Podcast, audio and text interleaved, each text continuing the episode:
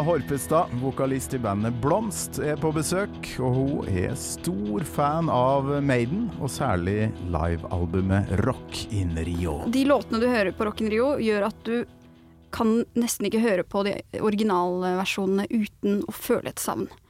Og det har, for meg så handler det mye om eh, de der tinga som Bruce gjør innimellom. Eh, de der tinga han sier. For han ja. Um, Hver gang jeg hører på eksempel The Clansman, da, Mm. så må så, så hjernen min spiller av liksom mellom sånn Freedom! Can you hear me? Freedom! Scream for me, Brazil! Freedom! One more time now! Freedom! Det, det er Når ikke de tinga er der, så hjernen min vil Det føles helt naturlig. Selvfølgelig skal det komme. Ja, ja, ja. Ja. Nei, jeg, jeg har òg nihørt på så mye live-greier. Live After Death og um, det som da heter Real Dead One og Real Live One eh, på 90-tallet. Hørt så mye på det at jeg av og til savner La oss si eh, ja, fra Peace of Mind skal jeg høre Where Eagles Dare, som liksom er første, første låta der. Så vil jeg gjerne høre uh, Whatever the problem is. Clint Eastwood's gonna fix it. Og så kommer Og det er jo da uh, på grunn av den filmen uh, 'Ørneredet', da, som, eh, som låta er basert på. Eh. Ja, eh, til og med når jeg spiller det her på Radio Rock, så, så slenger jeg på dere eh, introene Ikke der. sant? Ja, Du må ha den derre Altså Churchill òg, fra Live After Death. Da er det jo Winston Churchill fra andre verdenskrig. eh, før Aces High. Um, på Radio Rock syns jeg den blir fattig, den låta, uten avslutninga på den talen. We shall fight in the air. We shall never surrender. Og ja, det Jeg skjønner veldig godt hva du mener. Ja, for det, er- det er liksom det derre En slags X-element i uh, Maiden. Det er uh, Ja, visst. Det må være der. Hva har du eh, liksom plukka opp fra Bruce?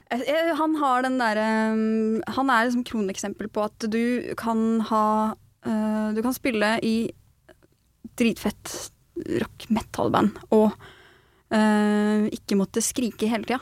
Du, må, du kan fint kjøre på den derre store vokalen med, eh, med vibrato, Mm. og det, låt, det kan fortsatt låte knallfett. Og så eh, på eh, for eksempel The Trooper, da, så eh, Refrenget er jo bare vokalen hans. Det Mm. er ikke noe tekst. Han viser også at liksom trenger ikke noe tekst for å skape et legendarisk refreng. Det er vokalen hans, stemmen hans, Mm.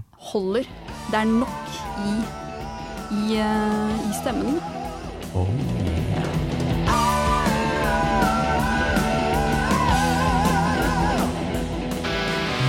Gammal Maiden. Med Torkil Thorsvik. Gjest Bård Frydenlund er direktør ved Eidsvoll 1814, og det er så bra, for han ble historiker på grunn av tekstene til Iron Det er jo annenhver sang omtrent, så er det en eller annen historisk referanse Ja. som på en måte peker videre mot et eller annet tema eller en periode eller noe da, som gjør, gjør det interessant. da. Åh, hvis du ser eh, øynene mine nå, begynner jeg å bli litt sånn blank, for da tenker jeg tilbake på den tida da jeg, jeg hørte eh, introen til Number of the Beast, og, og finne ut at opphavet til det her står i eh, bokhylla til mamma og pappa, og, og begynne å forske på det her, og det var et helt fantastisk øyeblikk, husker jeg. Hva, hva var åpninga for deg, første eh, låta som liksom fikk deg til å bli sånn nysgjerrig? Før jeg fikk kjøpt min første plate, så fikk jeg et opptak av B-sida av Peace of Mind. Og det var faktisk Quest for Fire som var på en måte den første låta. Og det var jo på en måte før egentlig historisk tid, sånn som vi kjenner det. Men altså fra en eller annen humanoid rase som leiter etter ild. en gang for lenge, lenge, lenge siden. Og Det var liksom det aller første. Um, men den, låt, den plata, Peace of Mind, har jo så mange både popkulturelle og rent historiske referanser at det var bare å kaste seg inn i eh, leksikon og det man hadde på den tida, selvfølgelig. Vi hadde jo ikke noe internett, men, eh, men vi hadde leksikon. Så Gyllendals eh, fembinds konversasjonsleksikon, det kunne jo i hvert fall gi noen svar på veien videre inn i Iron Maidens historievelde, som man sier. Mm. Ja, For min del så var det altså Nærøy folkebibliotek fikk Ja, jo da et par-tre besøk mer enn de hadde fått fra meg, da, hvis det ikke hadde vært for, for Maiden. Og, men Quest for Fire Altså I voksen alder så har vi jo skjønt at uh, hele teksten der, uh, åpningssetninga, ødelegger ganske mye for den låta.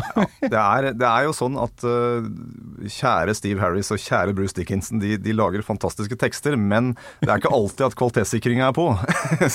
Og det er klart at eh, Quest for Fire, der begynner det ganske dårlig med da In a Time When Dinosaurs Walked the Earth. Og er det noe vi er helt klar over, er at eh, det aldri fantes noen mennesker eller humanoide raser som gikk samtidig med det vi kjenner som dinosaurer. That's it. Det er den setninga Ja, som det- trengs for å ødelegge en hel tekst. Men, men farsken for ei låt, da. Og Jo. for noen nydelige gitarsoloer og, og Ja, mye særlig, fett her. Jeg er helt enig. Akkurat gitarsoloen er kanskje det aller beste. Det er liksom et sånt røft, veldig eh, rustikt spreng. Det er liksom nesten på vei til å bli piggtråd, noe av det. Eh, så, så mye piggtråd du kan få ut av Iron Maiden, syns jeg. Mm. Men, eh, men det er jo Ja. Så, så den er en veldig god start men det er, men, som låt. Men, men akkurat teksten, den, den, den lar vi gå videre. Det gjør vi.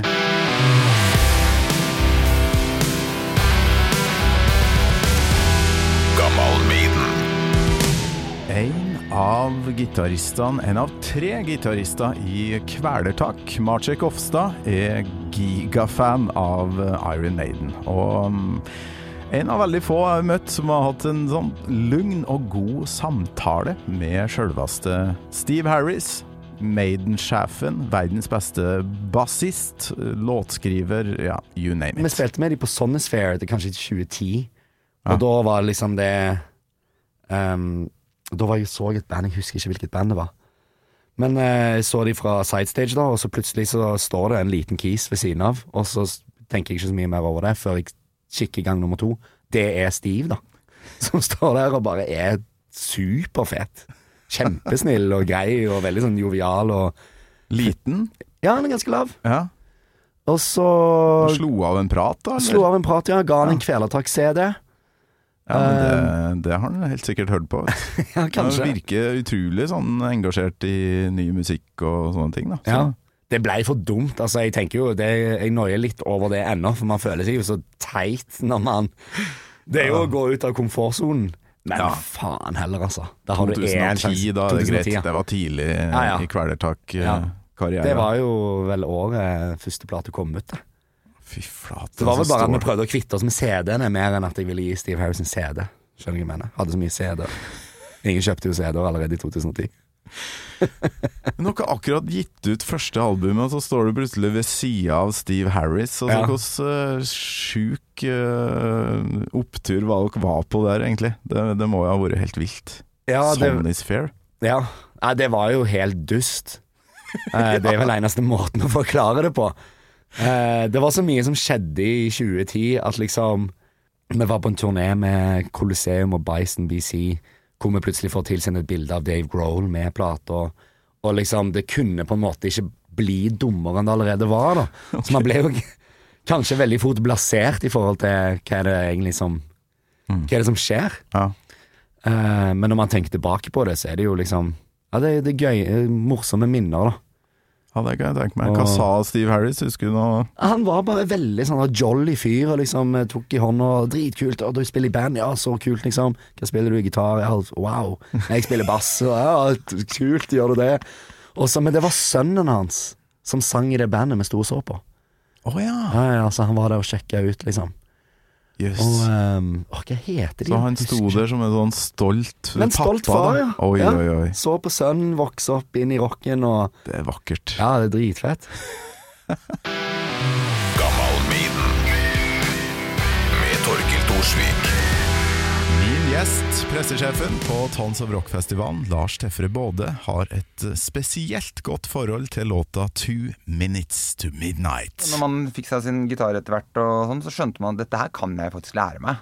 Ikke sant? Og med den engelsken jeg hadde i, i 88 når jeg hørte det for første gangen, så, så kunne jeg nesten forstå hva 'Two minutes to midnight betydde òg, liksom. Så, det, så jeg skjønner hvorfor jeg catcha dette her. Det var veldig sånn fengende.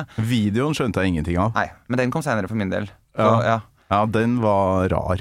Men, men du, apropos det riffet, da. Um, jeg sjekka det her, og det er Jeg tror det fins fra denne samtida, bare, uh, 21 låter av forskjellige rockeband som har nesten kliss likt riff som Two Minutes to Midnight. Jeg har ikke samla alle, men jeg har samla um, skal vi se, fire andre da enn uh, Maiden. Jeg har lyst til å høre Ja, på noen eksempler her. Starter med Merciful Fate. Skal vi se om vi får lyd på den. Ja.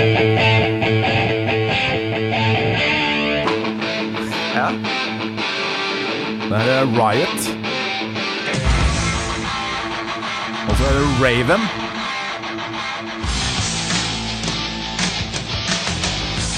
Accept. Ja, ja. Og Maiden til slutt, da. Det, det er ganske mye det, det er liksom innafor en fire-fem års uh, ja, mellomrom her. dette var forbi lånebegrepet, var det ikke det? Her er vi inne, inne på stjeling. Ja, det er et par av de her som er laga tre år før uh, Two Ai, Minutes to ai, Midnight. ai, ai. Burde, det det burde det en annen podkast.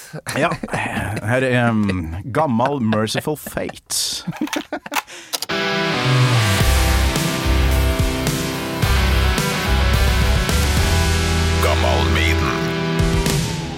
14. april år 2020 var det 40 år siden det første Iron Maiden-albumet kom ut, så det måtte jo feires i lag med et levende rockorakel, Espen Nørvåg Slappgård. En av eh, mange episoder der det mm, sprengte seg på ei tåre i øyekroken, for å si det mildt.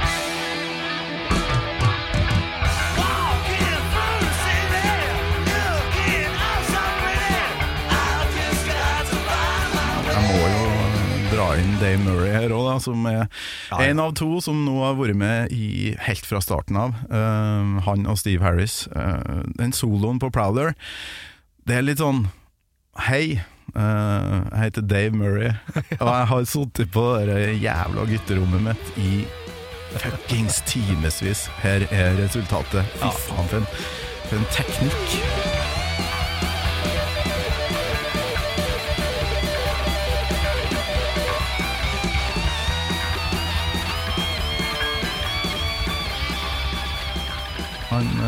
Nå fikk jeg tårer i øynene. jeg har stått på gutterommet sjøl og, og øvd og øvd og øvd, og jeg vet hvor mye jobb som står bak. Og han, han, den teknikken og den kontrollen han viser bare på første låt, smakk! Dave Murray, her er jeg, jeg er kongen. Ah, genialt. Også Og så Prowler, fantastisk eh, valg som albumåpner, syns jeg. Og så skal Ja. vi over da til en Ok, nå roer vi ned. Vi viser, vi viser at vi har flere strenger å, å spille på her. Remember Tomorrow, som Ja. bare begynner sånn rolig og fint. Uh, og her har vel uh, Paul Diano vært med og skrevet en del Ja, av låta. det har han. Og, og eh, her var, var jo også en av de låtene som nevnt da, som Stratton virkelig altså var Sånn som det her han virkelig elska, og den her er putter oss over på en helt annen side av, av Maiden, hvor du allerede fra andre låt inn skjønner at det her Ok, vi trodde vi hadde plassert det bandet, men jaggu de har det her. Det er de, så mange flere dimensjoner som ble tilført bandet allerede fra låt nummer to her.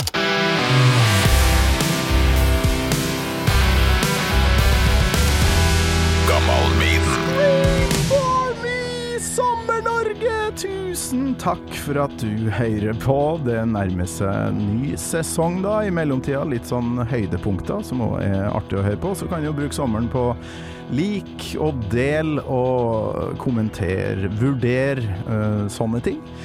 Så kommer det nye gjester etter hvert. Spennende folk, rare folk, hyggelige folk og interessante mennesker, rett og slett.